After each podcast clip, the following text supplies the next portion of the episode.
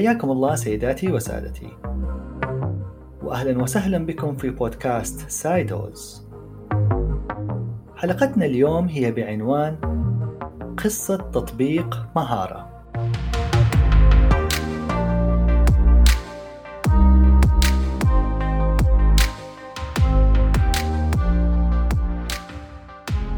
وسنبحر سويا في حكاية هذا التطبيق الرائد ذو الفكرة الإبداعية والذي بدأ في عام 2015 فالتطبيق يسهل الوصول لخدمات الصيانة المنزلية وأعمال البناء في أقل من دقيقة وبثلاث خطوات فقط. وللحديث عن هذه الرحلة الفريدة يسعدنا استضافة المدير التنفيذي والشريك المؤسس لتطبيق مهارة المهندس أحمد بن عبد الرحمن مرعاني.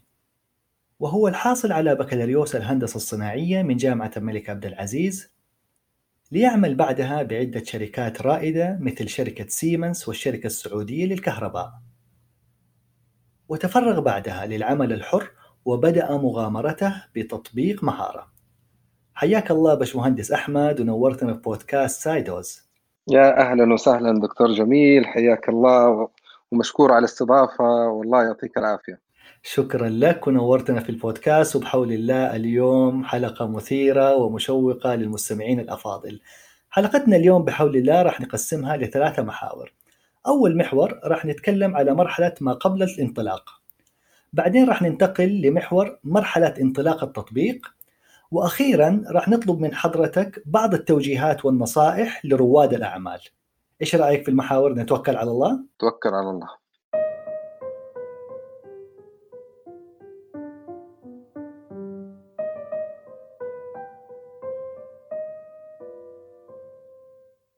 في المحور الأول وهو مرحلة ما قبل الانطلاق راح أبدأ بالسؤال التالي. كيف جاتكم فكرة تطبيق مهارة باشمهندس؟ جميل. طيب زي ما أنت عارف يعني أغلب أغلب الأفكار التجارية اللي موجودة في السوق إما تكون عن شيء موجود أصلا وأنت ودك تحسنه أو أو شيء عن موجود ويكون في مشاكل ودك أنت تحل هذه المشاكل اللي موجودة. فكانت الفكرة موجودة بسبب الألم اللي موجود عند الناس في البحث عن آه، فني ممتاز يجي يصلح لك مشكلة في البيت عندك.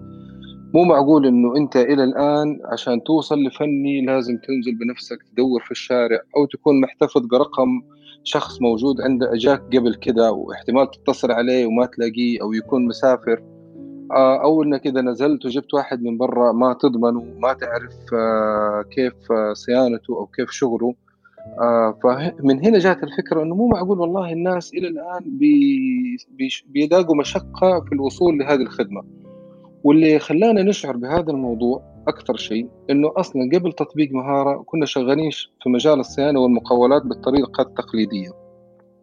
فكنا دائما والله نلاقي اتصالات من اصدقائنا ومن أقاربنا إنه لو سمحت تعرف لي يا أخي دهان محترم تعرف لي دهان كويس تعرف لي سباك يفهم في الشغله هذه.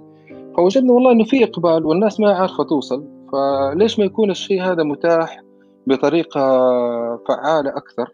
آه، وما كان في البداية معروف في بالنا إنه حيكون الموضوع أو المشروع تطبيق. ولا كان في بالنا إنه حيكون مشروع بالاقتصاد التشاركي فقط إنه كيف نجد حل لهذه المشكلة. آه بدأنا نخ... والله بدأنا نشتغل على الفكرة. آه بدأنا سوينا موقع إلكتروني كان عبارة عن شيء اسمه landing page كان تكاليفه جدا بسيطة. بس بنستقبل فيه الطلبات وبنتعامل مع الطلبات بشكل يدوي. وجدنا إنه والله الناس okay مستعدة تستعمل التقنية في الطلب الصيانة.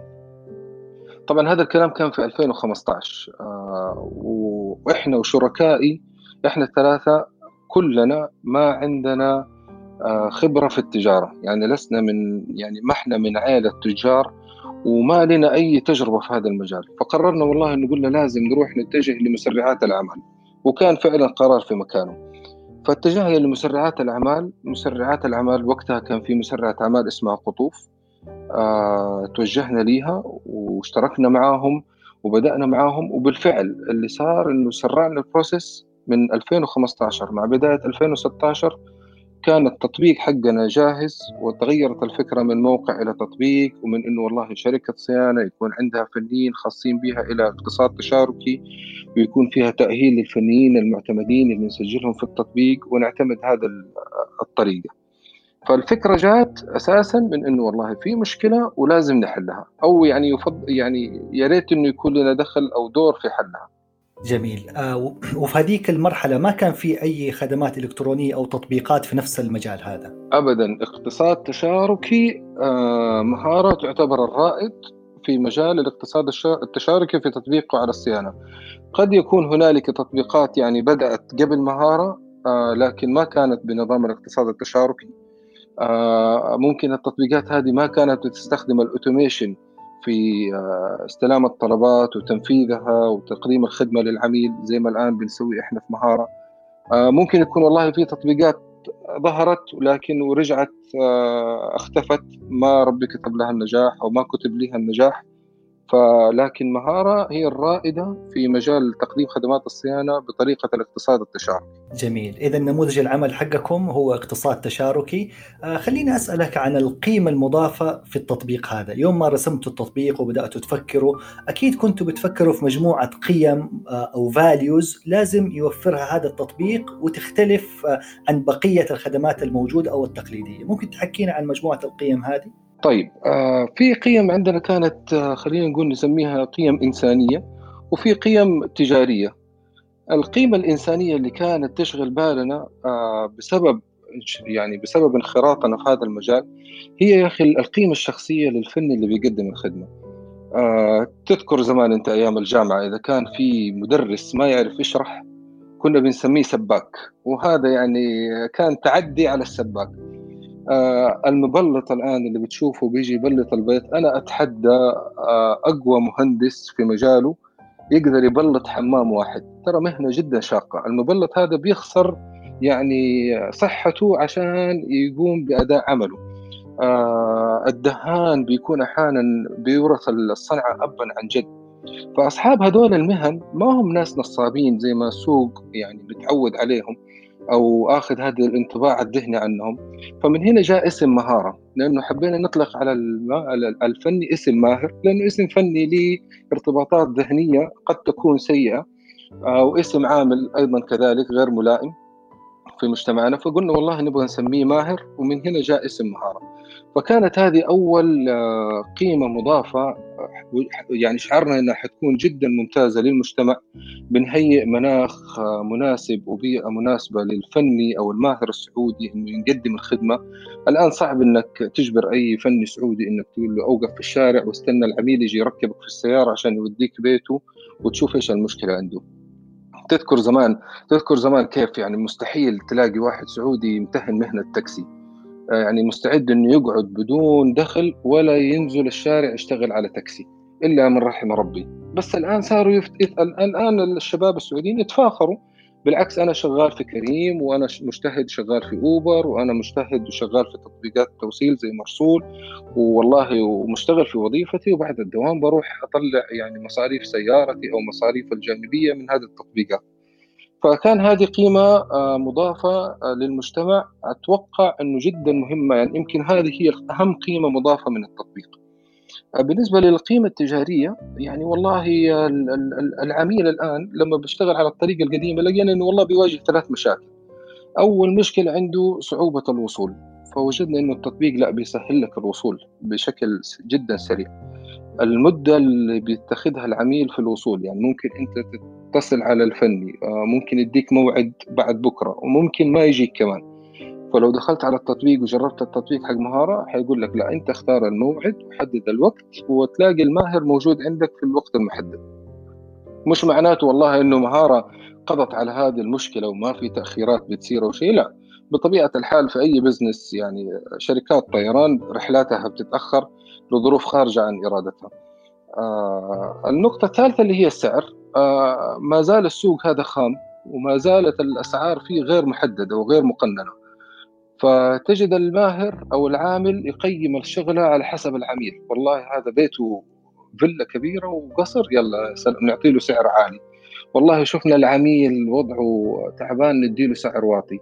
نفس الشيء الماهر نفسه أو العامل نفسه آه، تجد إنه والله لو كان ما عنده دخل هذا الشهر فيضطر ينزل في السعر بس عشان يدخل مصاريفه.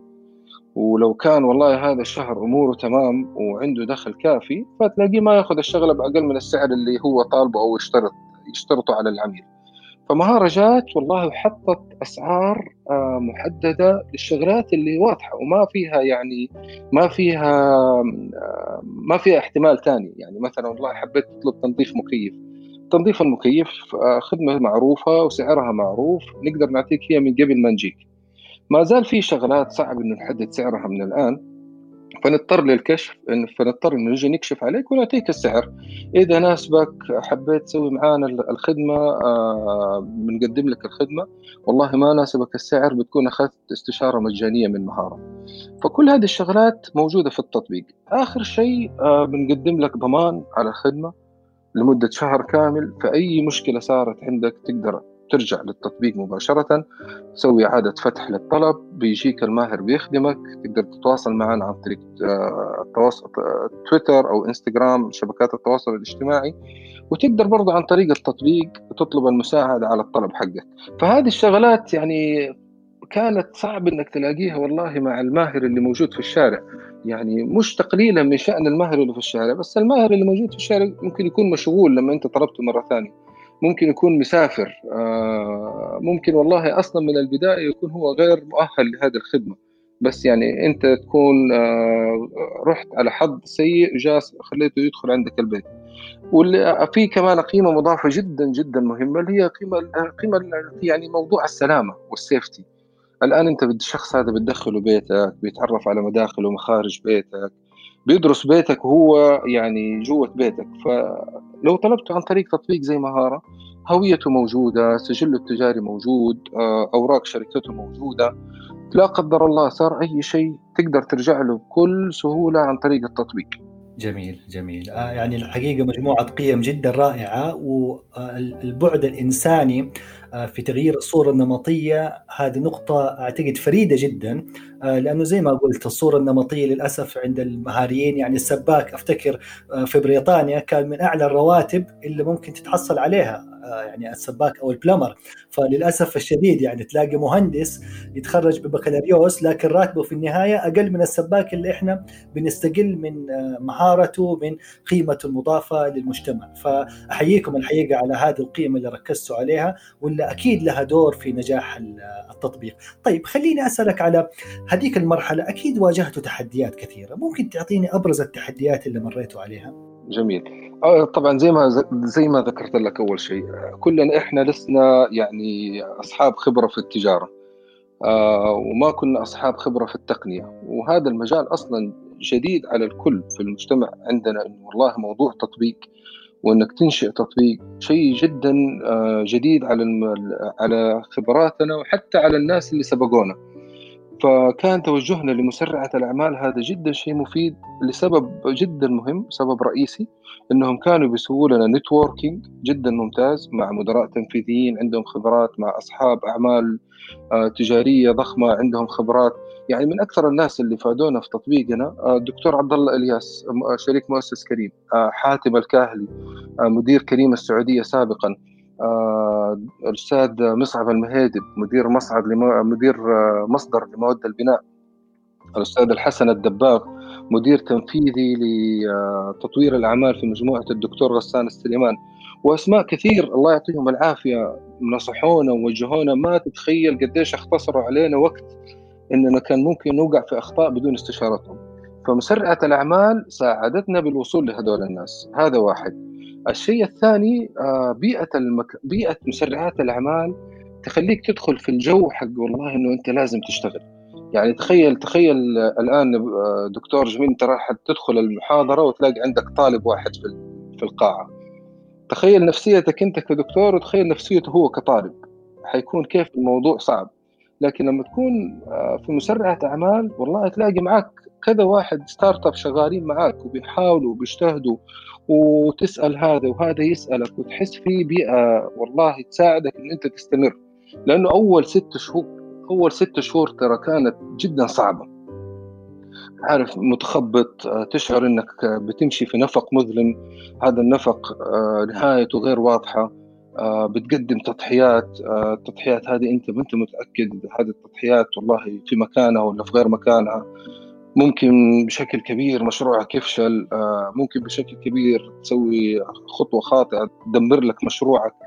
فهذه النفسية تحتاج بيئة تدعمك وتساعدك إنك تكمل في مشروعك. فهذه التحديات صراحة تعديناها بوجودنا في مسرعات الأعمال سواء من خبرتنا في التقنية سواء من نقص المعرفة في التسويق سواء من نقص المعرفة في إدارة الشركات وتشغيلها والأمور المالية المتعلقة بالشركة. كل هذه الأمور تجاوزناها بطريقة بسيطة جدا اللي هو السؤال الشيء اللي ما تعرف عنه أسأل عنه. بس من الشيء أنك تسأل السؤال الصح أو تسأل الشخص الصح عشان تلاقي الإجابة الصح جميل. يعني أعتقد هذا هذا نقطة جدا مهمة لكل رائد أعمال أو كل واحد بيفكر يدخل على مجال البزنس. خليك متواضع وأسأل أي سؤال يجي على بالك وأطلب المساعدة. مش عيب إنك تطلب المساعدة علشان لا تندم بكرة النهار بعمل آه، خطوة غلط أو تقوم بتوجه آه، استراتيجي مختلف عن الواقع. وللأسف الشديد في كثير بتفشل مشاريعهم بسبب يعني على قولهم العزة بالنفس أو يقول لا أنا فاهم كل حاجة وما أحتاج مساعدة غيري. آه، مسرعات الأعمال زي ما تفضلت باشمهندس آه، آه، لها فوائد ويعني ومنافع جدا ممتازة. والأسامي اللي ذكرتها أسامي رائدة ما شاء الله في مجالات مختلفة. وهذا جرني للسؤال الثالث السؤال التالي. بالنسبة للمستثمرين في بداية مشروعكم هل تمت عن طريق المسرعة أم بصفة شخصية عن طريقهم؟ هو آه هذا المكان سبحان الله فعلا فعلا موضوع المستثمرين آه كل كل شركة ناشئة ولها قصة. يعني ما تقدر تقول إنه والله هذا هو الطريق الوحيد لجلب المستثمرين. في عندك 20 طريق المفترض إنه أنت تسلك كل الطرق هذه لأنه فعلا ما تدري من فين يجيك المستثمر.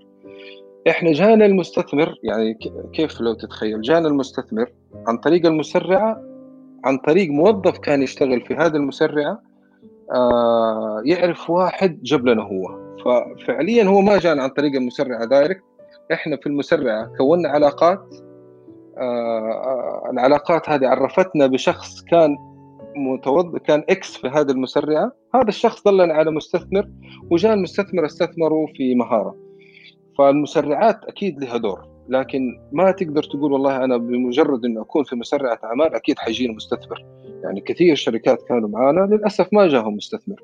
مش نقصا فيهم بس ما جاتهم الفرصة المناسبة أو ما ما وصلوا للمستثمر المناسب. فعندك إذا إذا تبغى تعرف الطرق عندك المسرعات عندك المعارض عندك التسويق آه، عندك البودكاستات اللي زي الآن شغالين عليها. عندك أي شيء تطلع فيه حاول تظهر في أي مكان يعني لازم تكون متواجد وتسجل حضورك في أي مكان عشان تكون on top of mind لأي شخص يذكر اسمك. جميل. آه، أنتم في هذيك المرحلة باشمهندس آه، هل هي المرحلة اللي رحتوا فيها على السيليكون فالي وسافرتوا علشان تفهموا موضوع التطبيقات ولا في مرحلة متقدمة بعد كذا لا والله المستثمر كان قبل السيليكون فالي السيليكون فالي هذه كانت دعوة آه، مقدمه لعدة شركات ناشئة يعني أثبتت وجودها. آه، راحت للسيليكون فالي تعرفنا على شركات آه، زرناها زي Airbnb زي Lyft اللي هي أوب المنافس لأوبر في أمريكا. كانت تجربة جميلة الحقيقة.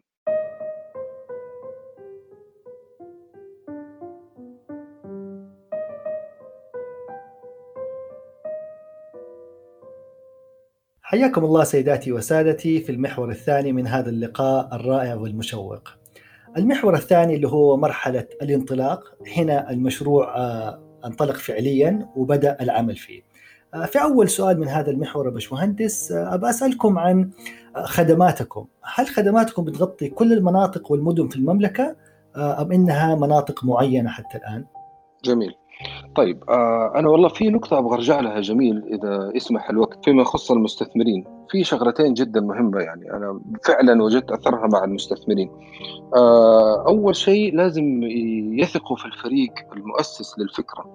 يعني الشخصية الكو فاوندر جدا مهمة أمام المستثمر. فإذا والله هو وجد شخصية قدامه ملتزمة وبتعطي وبتضحي ومتمسكة بالفكرة إيمانه جدا حيزيد حيزيد بالاستثمار في التطبيق. آه ثاني شيء وهو جدا مهم أيضا إنه لازم يكون دفاترك نظيفة.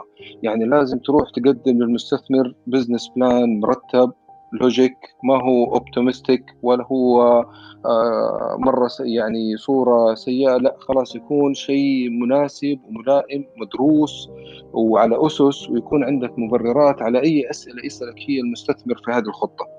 هذه الشغلتين جدا مهمة لجلب المستثمرين. إذا هذه الشغلتين ما هي عندك حتى لو فكرتك خطيرة وممتازة المستثمر ما حيجد أي شيء مميز إنه يستثمر فيك. لأنه الأفكار ترى كثير. يعني الآن لو تدخل على على مجال مهارة حتلاقي ترى يمكن في 20 تطبيق آه، صيانة شغال زي مهارة. بس التطبيقات اللي حصلت على استثمار تنعد على الأصابع. بسبب انه والله هذول الناس مرتبين دفاترهم عندهم خطط مدروسة فريق العمل متواجد المؤسسين متواجدين ومتفرغين للتطبيق. فهذه كمان يعني كان نقطة كان ودي أذكرها فيما يخص المستثمرين. يعني هذه النقاط جدا مهمة وأعتقد آه، يعني كانت من الأشياء اللي لابد إيش الأشياء اللي نبحث فيها كمستثمرين في المشاريع. زي ما ذكرت التزامنا تمسكنا بالفكرة ويعني نظافة دفاترنا ووجود فيجن أو رؤية مستقبلية آه، وليست يعني رؤية قصيرة المدى. آه، تبين للمستثمر إنه والله أنا بستثمر في حاجة قد تدر لي المال آه، بعد فترة قد تكون ليست قصيرة ولكن حينما تبدأ تدر المال حتبدأ العوائد حقتها بتكون بشكل كبير. وهذا وأعتقد حتى المستثمرين في أنواع من المستثمرين اللي تبحثوا عنهم. وهذا الشيء جدا مهم أيضا. صحيح. هذا جدا مهم. دائما كنا نبحث عن يعني كلمة كنا متبنينها اللي هي السمارت كاش. ما نبغى فقط مستثمر يكون عنده فلوس والله نبغى مستثمر عنده فلوس ونبغى مستثمر يفتح لنا أبواب. يفتح لنا علاقات يفتح لنا مشاريع يفتح لنا الآفاق يعني يدلنا كمان على شغلات إحنا كنا غايبين عنها. نعم. فلا بد أن يكون له قيمة مضافة وليست القيمة المضافه فقط بالمال اللي حيوضعه صحيح. ويجلس يناحلكم فيه ويقعد على قولهم وين الفلوس حقتي؟ لا لا هي مساله تكون عنده صبر وعارف إنه بيستثمر في مشروع وفي موارد بشرية يعني سوف يعني تعظم هذه القيمة ويكون educated educated انفستر زي ما بيقولوا. صحيح. طيب خلينا نعود للسؤال آه للمناطق اللي بتغطوها في المملكة وإذا في عندكم نية في التوسع. جميل. إحنا الآن بنغطي المدن الرئيسية اللي هي جد جدة ومكة الرياض المنطقة الشرقية بمدنها آه والمدينة المنورة. آه نية التوسع جدا موجودة آه وموجودة من أول بس وصلنا في مرحلة وجدنا أنه إحنا ما إحنا ما زلنا في المدن الرئيسية. فخلينا أول شيء ناخذ حصتنا المناسبة من هذه المدن الرئيسية ويكون في تركيز عليها. بعد كده نبدأ نتوسع للمدن الصغيرة. أنتم اقتصاد تشاركي كما ذكرت نموذج عملكم. في النهاية بتربطوا العرض بالطلب بتربطوا العميل بمقدم المهارة. أعتقد إنه من إحدى التحديات اللي واجهتكم إنكم تكونوا قاعدة بيانات كبيرة عن مقدمي هذه المهارة. كيف حليتوا هذه المشكلة؟ جميل. هذه كانت جدا يعني جدا تحدي كبير لنا لكن اللي ساعدنا فيها إنه إحنا زي ما قلت لك أصلا شغالين في هذا المجال. فكان عندنا أسماء ناس مختارة نقدر نقنعهم إنهم يدخلوا معنا التطبيق ويشتغلوا معنا في التطبيق. ما تتخيل الصعوبة اللي كنت أواجهها في البدايات عشان أبغى أسجل ناس معايا في التطبيق.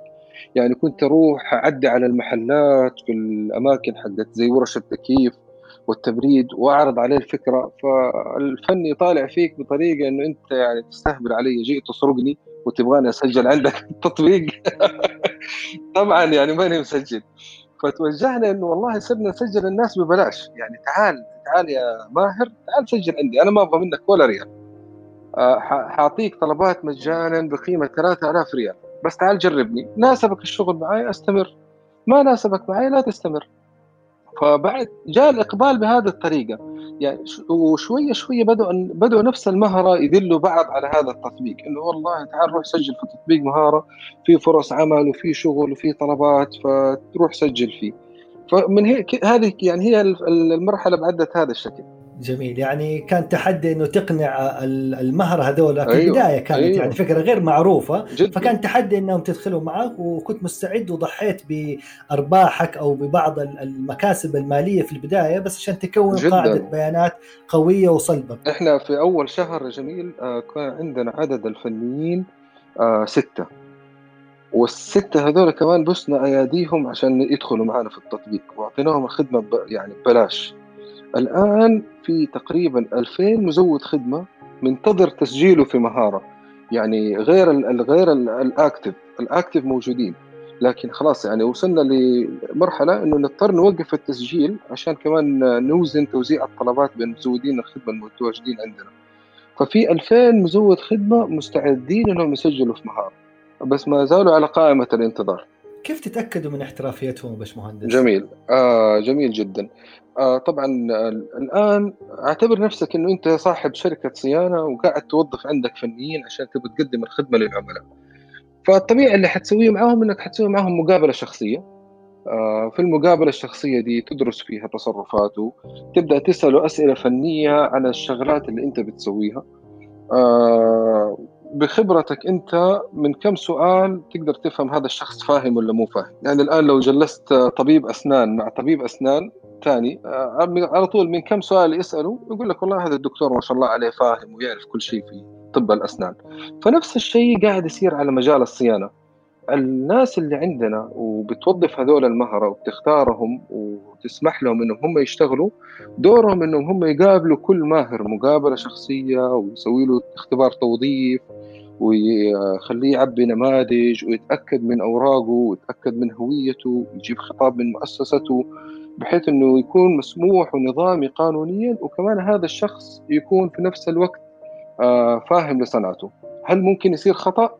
ممكن جدا يصير خطأ إنه إحنا نوظف شخص ما يكون على قدر المسؤولية وهذا الشيء بيصير حتى على مستوى الشركات يعني الشركة أحيانا توظف مدير تنفيذي بعد ستة شهور تكتشف والله إن المدير التنفيذي ده ما كان على قدر المسؤولية. آه في الشركات بيوظفوا مدراء بيوظفوا محاسبين بيوظفوا مهندسين. بعد فترة يعني تكتشف إنه هذا الشخص والله ما هو على قدر المسؤولية وما بيأدي العمل بالصورة المطلوبة. فبيصير عندنا أخطاء أحيانا آه، بنوظف ناس أو بنعين ناس في مهارة بنلاقيهم ما هم قد المسؤولية. على طول هذول الناس بنستبعدهم. من التطبيق. جميل. آه كم نسبة السعوديين من مجموعة المهر اللي موجودين لديكم في قاعدة البيانات؟ الآن عندنا 25 ماهر سعودي. آه من المهر السعوديين اللي دائما أحب أذكر قصته آه مدير مدرسة في القصيم آه يجي يقضي إجازاته في جدة ف... فيقعد هو عنده يعني يحب يشتغل بيده يعني تقدر تسميه أقرب إلى هاندي مان ويحب يشتغل الشغلات الحرفية البسيطة المتعلقة بالسباكة. فيجي والله فترات الإجازة يشتغل عندنا افتحوا لي التطبيق أبغى أشتغل في مهنة سباكة. أركب سخان أركب مغسلة أركب خلاط. آه ففي سعودي في سعوديين والناس تنبسط منهم يعني. الناس ترتاح مع السعودي. آه سبحان الله أكثر من الأجنبي مش عشان السعودي بالفطرة أفضل من الأجنبي ابدا. لكن سبحان الله طبيعة البشر يعني تلاقي المصري يرتاح للمصري السوري يرتاح للسوري أكثر. فبالتالي السعودي يرتاح للسعودي أكثر يعني فاهمني وفاهمه فأكيد إنه حيكون في ارتياح أكبر. بالإضافة بالإضافة إنه مهما كان سبحان الله آه، بغض النظر عن الجنسية سواء شخص سعودي أو غير سعودي الشخص اللي تربى في هذا البلد سواء يعني في في مدينته وتولد فيها ونشأ فيها وعارف إنه حيموت فيها تلاقيه يعني بيقدم الخدمة آه، بشكل أفضل من الشخص اللي عارف إنه حيجي سنتين وحيمشي. آه، بغض النظر عن جنسيته يعني حتى لو كان جنسية أجنبية لكن مولود في هذا البلد ونشأ فيها وعارف أنه حيموت فيها سبحان الله تعامله يكون أرقى من الشخص اللي جي والله أنا بخلص شغلي سنتين وأرجع بلدي وما علي في الشيء اللي حيصير بعد كذا إذا هي مسألة سمعة في النهاية. بالضبط. يا سلام. أعرف أنه نعم في في سمعة بيحاول يبنيها في مجتمع آه، بيحاول يضيف له قيمة بمهارته هذه. صحيح. وهنا يجي عند روح الانتماء. وهذا ليس تقليل في أي جنسية أخرى بالعكس يعني كل الجنسيات على عيننا وعلى راسنا لكن هذه أشياء أعتقد سيكولوجية ونفسية صحيح. آه لها بعد في طريقة تقديم الخدمة. آه وأعتقد إنه آه هي مؤشر جدا ممتاز دخول الحرفيين السعوديين في هذا المجال. لأنه الحمد لله زي ما تفضلت في أول الحلقة تطبيقات كثيرة بتستخدم السعوديين وبدأ الصورة النمطية إنه السعودي والله ما بيشتغل كسواق تاكسي أو ما يشتغل كسباك أو دهان هذه حكاية انتهت وأصبحت من الماضي ويعني على أرض الواقع إحنا بنشوفهم الآن ما شاء الله منتشرين في كل القطاعات. صحيح. طيب آه بالنسبة لجودة الخدمة المقدمة كيف تقيموا جودة الخدمة بعد ما ينتهي الماهر من هذه المهمة؟ جميل آه عندنا زيارات مفاجئة بتصير للماهر آه وهو بيقدم الخدمة في بيت العميل. آه لكن الأهم من هذا كله مدى رضا العميل عن الخدمة. فأي عميل بعد ما بينتهي التطبيق بإمكانه يقيم الطلب آه ويكتب ملاحظاته على هذا الماهر. فال يعني المحور اللي إحنا يعني مركزين عليه تقييم العميل لهذه الخدمة. جميل. يعني كل ماهر له سجل من التقييمات أيوه. ويتم مراجعة هذه السجلات غير الزيارات المفاجئة الميدانية اللي بتقوموا فيها بين ال... صحيح. غير موضوع اللي هو إعادة فتح الطلبات هذا يعني مؤشر جدا مهم للماهر. إذا أنت والله ماهر بتشتغل وتقييماتك برضه ممتازة لكن كل ما بتروح عند عميل بنلاقي العميل ده بيرجع يعيد فتح الطلب لوجود مشكلة أو لأنه المشكلة ما انتهت. فهذا برضه مؤشر على إنه أنت ما بتشتغل بالشكل المطلوب. بالنسبة لطرق الدفع اللي بتوفروها هل يعني في حد إيش طرق الدفع اللي بتوفروها وهل في حد أدنى للخدمة؟ سعر أدنى يعني للخدمة ولا كيف؟ جميل. الطرق الدفع الآن متوفر كاش واونلاين بإمكانك تستخدم الطريقتين. حد أدنى ما في للخدمة. لكن اللي بيصير أحيانا إنه بيصير في آه، إيش أقول لك يعني في شغلات ما هي منطقية في في في شغلات عندنا شوية في عند الناس لخبطة فيها فيما يخص آه، تقييم سعر الخدمة. يعني الآن مثلا الفني جاك للبيت غير لك فيش كهرباء. آه، الشغلة بسيطة صح ما أخذت منه 20 دقيقة وغير لك فيش الكهرباء. لكن يعني هو جاك من موقع غير الموقع اللي هو فيه بيقدم لك فيه الخدمة. آه، فهنا في عليه مصاريف مترتبة عشان يجيك. آه، بالإضافة اللي ممكن يكون اشترى لك القطعة وجاب لك هي وركب لك القطعة. ممكن القطعة دي يكون فيها مشكلة بعد كده يرجع يغير لك هي. فما في فعليا ما في حد أدنى في التطبيق. لكن خلينا نقول العرف بين الفنيين يعني هو من 50 ريال وأنت طالع. يعني okay 50 ريال حق جيتي وروحتي أنا موافق.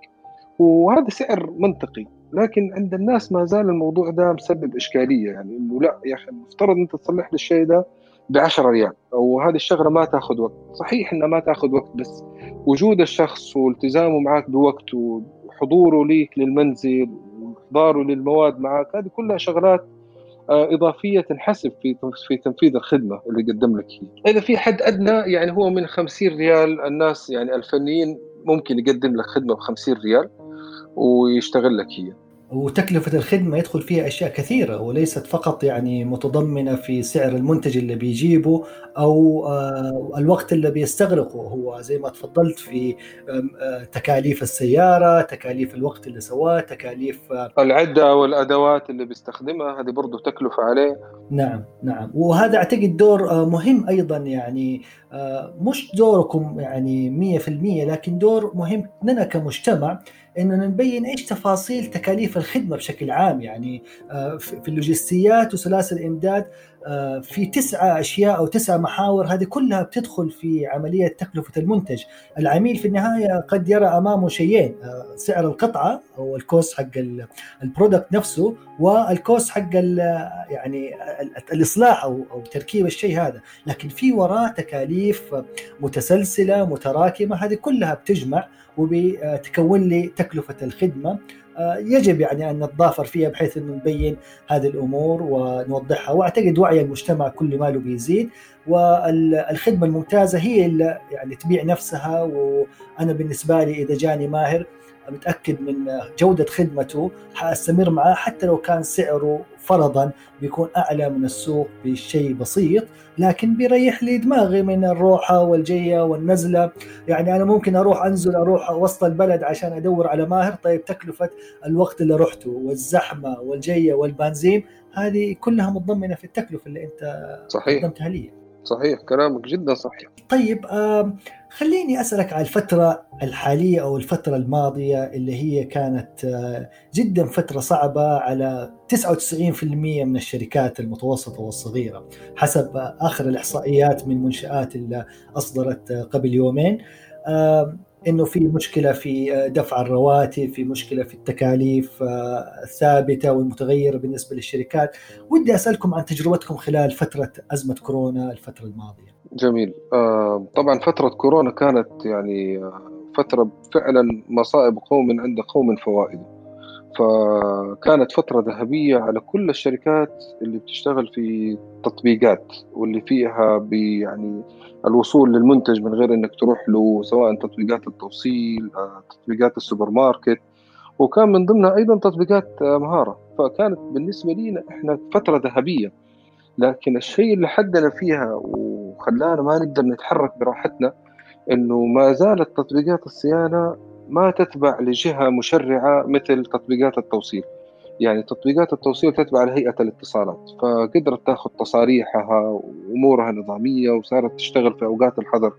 لكن تطبيق زي مهارة وتطبيقات الصيانة حاولنا نوصل لجهة حكومية تشرع لنا هذا الموضوع بحيث إنه نقدر نشتغل في أوقات الحظر. فللأسف كان التشريع جدا يعني مقتصر على فئات جدا معينة. آه وهذه الفئات مو هي الشيء الوحيد اللي أنت تحتاجه في بيتك. يعني أنا فعلا كنت خايف في فترة الحظر إنه مثلا الموية تنقطع عندي أو الكهرباء تنقطع عندي في الليل. آه إيش حسوي؟ ما أعرف. ما حأعرف أجيب أحد من حولي. لكن اللي سويناه وقتها وساعدنا الحمد لله آه إنه صرنا بنختار الماهر اللي موجود في نفس الحي حق العميل. فبالتالي كان التجول في الأحياء متاح أو مسموح فكنا نستخدم هذا الشيء نوصل هذا الماهر اللي موجود في نفس الحي بالعميل اللي طالبه. يعني لقي لقيتوا كذا مخرج بسيط بحيث إنه تقللوا الضرر هذا وهي دعوة ل يعني أصحاب القرار والمشرعين بالنسبة للوزارات إنه يجب أن نجد حل ويوجد حل لكيفية التعامل آه، مع هذه التطبيقات اللي ما زال يعني وضعها ما هو عارف فين. هل هي تابعة لوزارة الاتصالات تقنية المعلومات أو هي تابعة لأي وزارة؟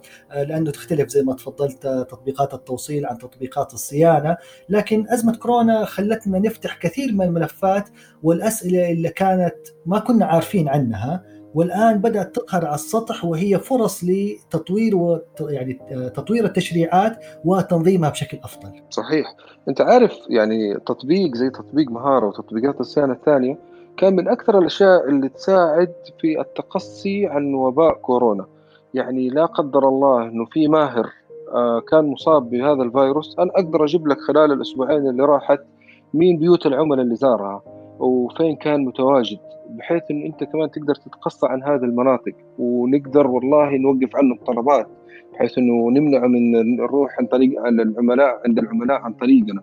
فكان بالعكس وجود تطبيق زي مهارة أو تطبيقات صيانة بهذا الشكل جدا مفيد في مكافحة هذا الوباء. طيب خليني أسألك على بالنسبة لإدارة التطبيقات يا باشمهندس فين تكمن أكبر صعوبة؟ هل هي في الجانب التقني أم في الجانب التشغيلي؟ جميل. آه إحنا في البداية يعني خلينا أتكلم عن تطبيق زي مهارة إحنا أول سنتين آه كان 90% من شغلنا تشغيل.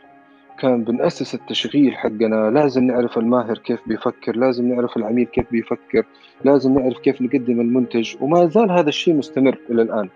لكن بعد فترة آه، بدأنا نتحول لشركة تقنية خصوصا في وجود منافسين. إذا والله في منافسين بينزلوا تطبيقات تقدم خدمات الصيانة بنفس جودة بنفس جودة الخدمة عندك لكن تطبيقهم كان أسهل أو ال user experience فيه أجمل وأسرع والتعامل معاه مريح أكثر للعميل.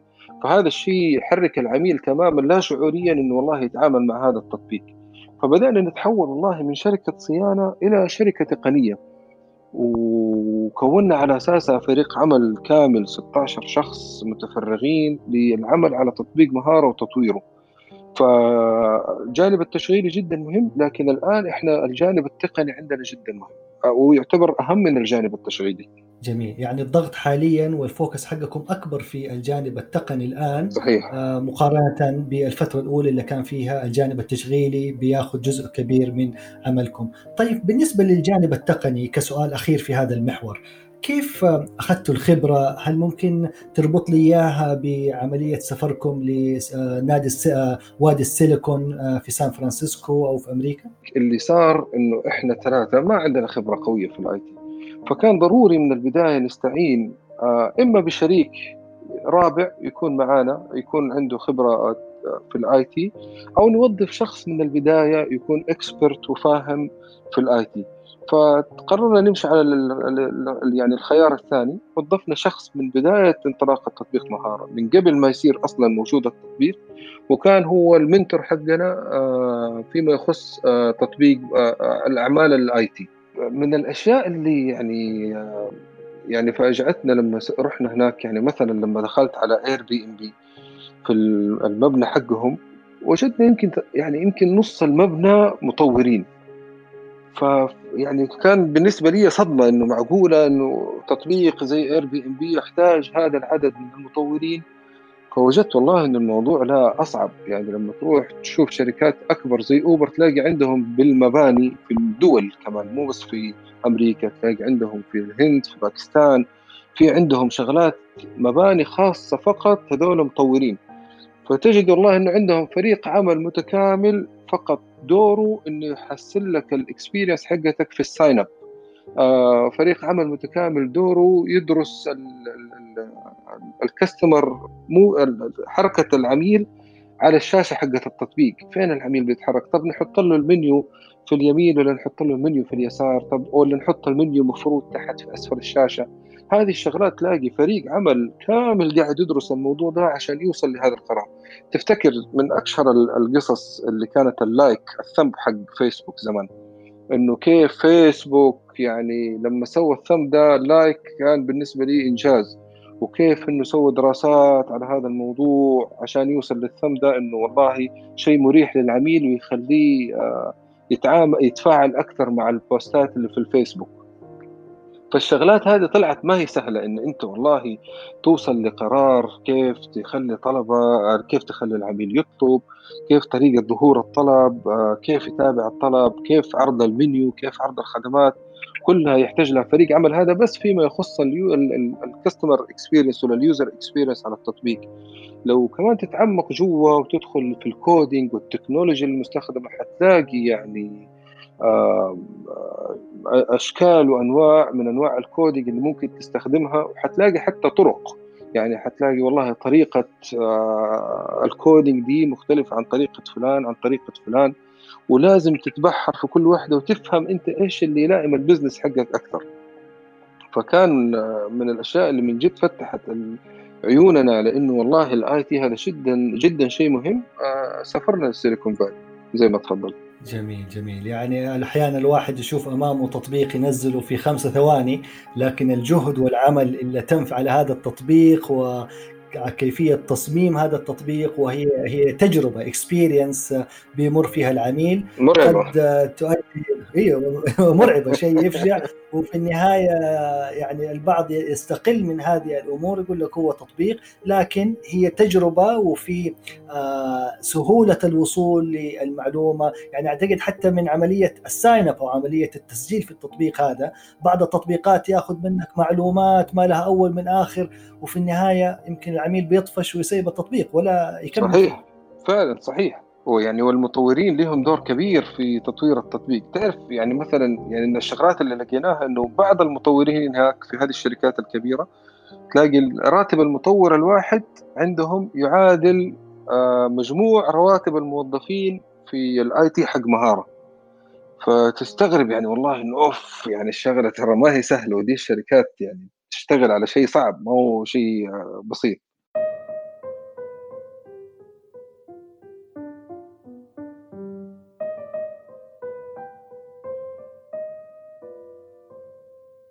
حياكم الله سيداتي وسادتي في المحور الثالث والأخير من هذا اللقاء الرائع.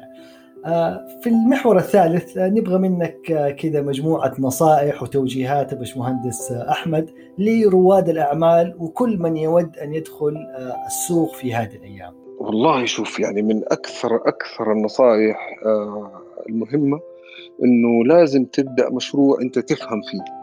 آه موضوع إنك أنت تبدأ مشروع ما تفهم فيه هذا جدا شيء يعني جدا قرار خاطئ.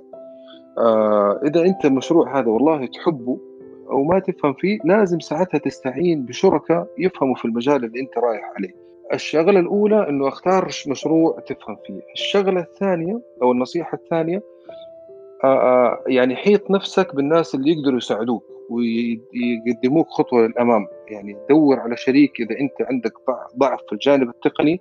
أتوجه لشريك يكون عنده آه، قوة في الجانب التقني يدعمك. إذا عندك ضعف في المال أتوجه لشريك يدعمك في المال. إذا عندك ضعف حتى في الحماس والله أنت شخص غير متحمس و... ولما تكون لوحدك الأفكار عندك في راسك كبيرة بس ودك بس أحد يدفك شوية دور على هذا الشريك اللي يقدر بس يساعدك ويمسك بيدك ويخليك تمشي خطوة للأمام. فوجود شركاء هذا جدا جدا شيء مهم في آه، في المشروع اللي حتبدأه. آه، وجود خطة آه، هذه رقم ثلاثة وجود خطة مبنية على يكون سقف توقعاتها عالي مش بالشكل الغريب أو المستنكر لكن الشيء اللي أنت تعرف إنك تقدر تسويه في سنة خليه أطلب من نفسك إنك تسويه في ست شهور. عشان توصل للشيء اللي انت كنت يعني عشان توصل للشيء الطبيعي. الآن لو تعرض كل خطط أكبر الشركات ما في ما في ولا شركة ماشية على الخطة حقتها. لكن هذا مش معناته والله إنه أنا خلاص ما أسوي خطة. آه بالعكس أنت في عدم في في وجود خطة بتخرج عن الخطة. فما بالك بعدم وجود خطة. حتلاقي نفسك خرجت عن المشروع تماما. فلازم تلاقي يعني لازم تحط لنفسك خطة بهذه الخطة تخرج منها بأهداف ومهام تبدأ توزع المهام هذه على فريق العمل اللي معاك تبدأ تاخذ تحط تواريخ لهذه المهام حتى على نفسك آه، كشريك ومؤسس آه، وتبدأ تشتغل على هذه الخطة وتراقب نفسك دائما وباستمرار. أنت فين من هذه الخطة؟ الشيء اللي ما قدرت تسويه سوي له skip يعني الشيء خلاص تماما اجتهدت فيه وسألت وحاولت سوي له skip أو سوي له hold لا توقف عند هذا الموضوع وخلاص تحس إنه لا أنا ما حينفع أكمل المشروع لين ما أخلص هذه العقبة. سوي له skip سوي له hold اشتغل على شيء ثاني تقدر تسويه. فيمكن هذه أكثر ثلاثة أشياء آه، مهمة لأي شخص يبغى يبدأ business نحيط نفسنا بفريق عمل متكامل. كل إنسان ما هو كامل زي ما تفضلت. شوف فين مكامن آه، ضعفك وحاول تبحث عن شركاء يملأوا هذه الفراغات أو نقاط الضعف اللي موجودة عندك. آه، الخطة يعني كما يقال الخطة ليست مهمة ولكن التخطيط هو المهم كما تفضلت. لكن اللي من غير خطة ما هو عارف فين متجه ولا عارف فين طريقه. لكن آه، ما في خطة بتبقى زي ما هي. الخطط دائما بتتغير زي ما ذكرت لكن بتساعدني في آه، تحديد توجهي أو المكان اللي بنطلق فيه. وأخيرا كما تفضلت آه، خليك ملتزم بالشيء اللي تفهمه ولا تدخل مجال ما هو مجالك أو ما تفهم فيه. أنت كما تفضلت كنت شغال أو تملك شركة مقاولات. فحتى لما انتقلت لتغيير البزنس موديل كان في نفس مجالك أتمتت نقول أنت أتمت عمل الصيانة أو مشاريع المقاولات آه، في المملكة وفي النهاية يظل هو مجالك. فأعتقد إنها مجموعة نصائح جدا مهمة وثرية ورائعة والحقيقة ماني عارف كيف أشكرك يا باشمهندس على وجود العفو لك الشكر لك الشكر لك يا حبيبي جميل بالعكس الله يعطيك العافية. الله يعطيك العافية نورتنا وانستنا وإن شاء الله نتمنى إنه الحلقة هذه تكون فيها فائدة للأعزاء والعزيزات المستمعين والمستمعات الأفاضل. آه، بكذا بنكون وصلنا إلى نهاية هذه الحلقة. أشكركم جميعا على حسن وطيب استماعكم وملتقين بحول الله في الحلقة القادمة من بودكاست سايد فمان الله.